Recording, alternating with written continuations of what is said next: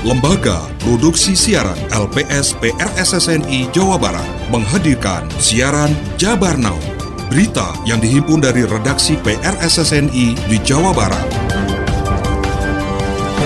Rapat pleno kemarin malam penelusuran dan investigasi pihak-pihak yang memang terkait. Banjir juga menimpa perumahan warga. Kami mohon dinas terkait segera turun tangan dalam memberikan solusi Jabar Now edisi kali ini di antaranya mengenai satu korban longsor Subang ditemukan, bendungan sorghum jebol, rendam rumah dan sawah di Cihaur, Sukabumi. Bawaslu tindak lanjuti video viral PNS guru SD di kota Tasikmalaya nyanyi kampanyekan Prabowo Gibran. Saya Endrias Mediawati, inilah Jabar Now selengkapnya. Tim SAR gabungan menemukan korban terakhir atas nama Dana 42 tahun yang dilaporkan tertimbun longsoran di Desa Cipondok, Kecamatan Kasomalang, Subang dalam keadaan meninggal dunia Senin 8 Januari pukul 10.22 waktu Indonesia Barat. Kepala Basarnas Bandung, Maijen Heri Marantika mengatakan, korban dievakuasi tim SAR gabungan ke Puskesmas Kasomalang menggunakan ambulan. Heri memastikan hingga jam setengah satu siang, tim SAR di lapangan memastikan tidak ada lagi korban yang diduga masih terjebak longsoran. Selanjutnya operasi SAR diakhiri. Gabungan yang terdiri dari Basarnas, TNI Polri, pemerintah daerah Kabupaten Subang, beserta unsur potensi SAR lainnya berhasil menemukan dan mengevakuasi korban atas nama Dana dan sudah kita evakuasi ke pihak medis. Kami turut berbela sungkawa, beliau ditemukan dalam kondisi meninggal Hujan deras di wilayah Jonggol akibatkan meluapnya sungai Cikarang dan menyebabkan beberapa desa kebanjiran. Ketinggian air mencapai 30 cm hingga 1 meter lebih, merendam ratusan rumah warga dan merendam gedung SD. Meluapnya sungai Cikarang terjadi akibat diguyur hujan deras di wilayah Kecamatan Jonggol sejak minggu sore, yang mengakibatkan beberapa desa di Kecamatan Jonggol kebanjiran, di antaranya Desa Sukamana dan Desa Sukamaju. Dengan ketinggian air mencapai 30 cm hingga 1 meter lebih, hingga merendam ratusan rumah di dua desa tersebut, seperti di perumahan Puri 3, Desa Sukamaju, Kecamatan Jonggol, Kabupaten Bogor. Banjir saat ini semakin parah, bukan hanya sekolah banjir juga menimpa perumahan warga. Kami mohon dinas, dinas terkait segera turun tangan dalam memberikan solusi untuk mengatasi banjir yang kerap melanda sekolah kami. Banjir di Desa Sukamana juga kembali merendam Sekolah SD Negeri Sukamana 02 Desa Sukamana, Kecamatan Jonggol, Kabupaten Bogor. Hingga sekolah tersebut tidak dapat melaksanakan kegiatan belajar mengajar seperti biasanya. Dikarenakan siswa dan guru harus kerja bakti membersihkan ruang kelas yang tergenang air, meski di hari pertama masuk sekolah pasca libur panjang semester pertama. Hujan deras yang terus mengguyur wilayah Kabupaten Sukabumi akibatkan sebuah bendungan milik salah satu perkebunan sorghum di wilayah Kecamatan Simpenan jebol sehingga banjir bandang. Akibat banjir tersebut, area pemukiman dan area pertanian milik warga harus terancam gagal panen. Dede Susilawati, salah satu warga mengatakan, peristiwa tersebut terjadi sekitar pukul 15.30, merendam serta menghancurkan tanaman padi milik warga dan juga sekitar tiga rumah warga ikut terendam banjir. Sementara itu, Kepala Desa Cihaur Asep Permadi mengatakan, dalam insiden cibolnya bendungan ini, pihaknya akan melakukan pendataan kepada warga masyarakat yang terkena dampak banjir yang diakibatkan cibolnya bendungan milik perkebunan sorghum di Desa Cihaur salah satu tanggul dari pihak sorghum itu jebol makanya mengakibatkan banjir melimpah ke lahan masyarakat yaitu pesawahan dan kolam. Di situ itu sebagian ada yang mungkin eh, ya dua hari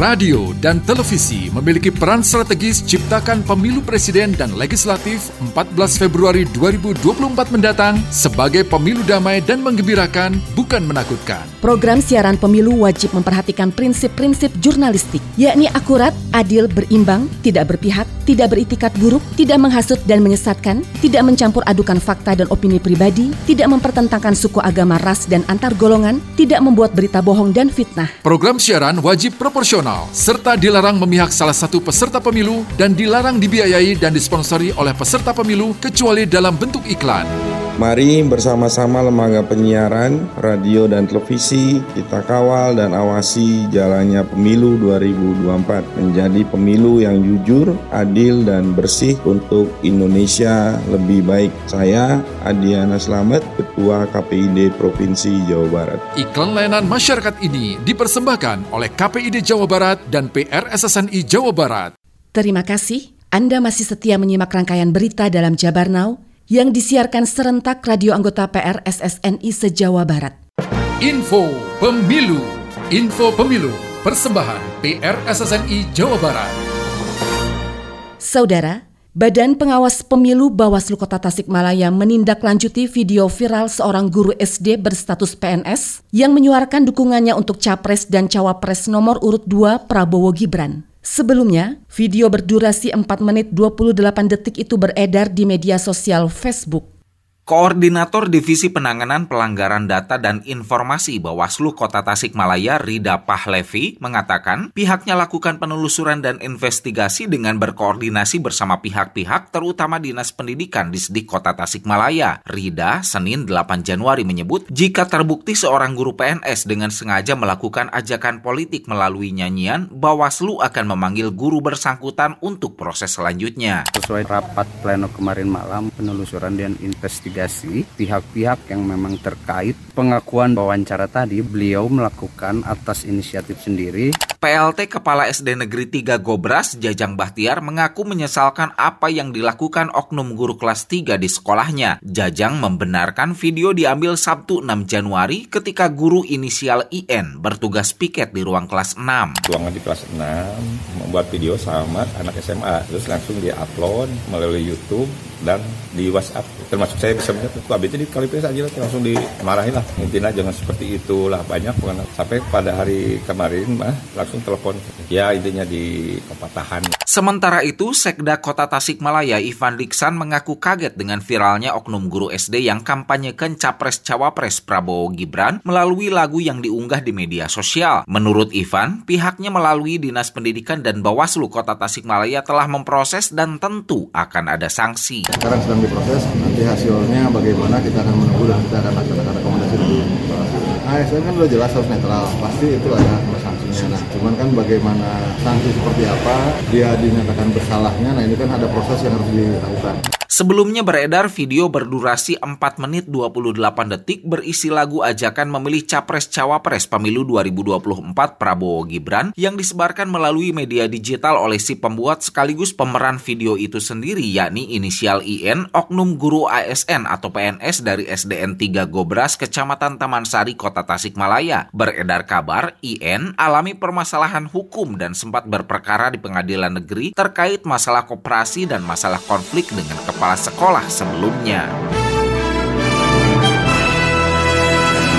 KPU Kabupaten Kuningan melakukan pelipatan surat suara dengan melibatkan ratusan warga di Gedung Graha Sajati BKP SDM Kabupaten Kuningan.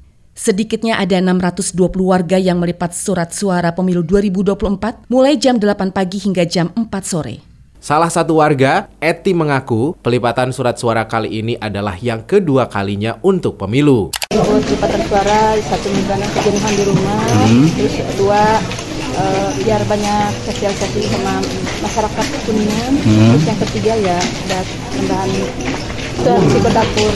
Sementara itu, Ketua KPU Kabupaten Kuningan Asep Budi Hartono mengatakan untuk pelipatan surat suara pemilu di Kabupaten Kuningan melibatkan 620 warga. Kami melibatkan sebanyak 620 orang untuk sortir lipat di pemilu serentak 2024.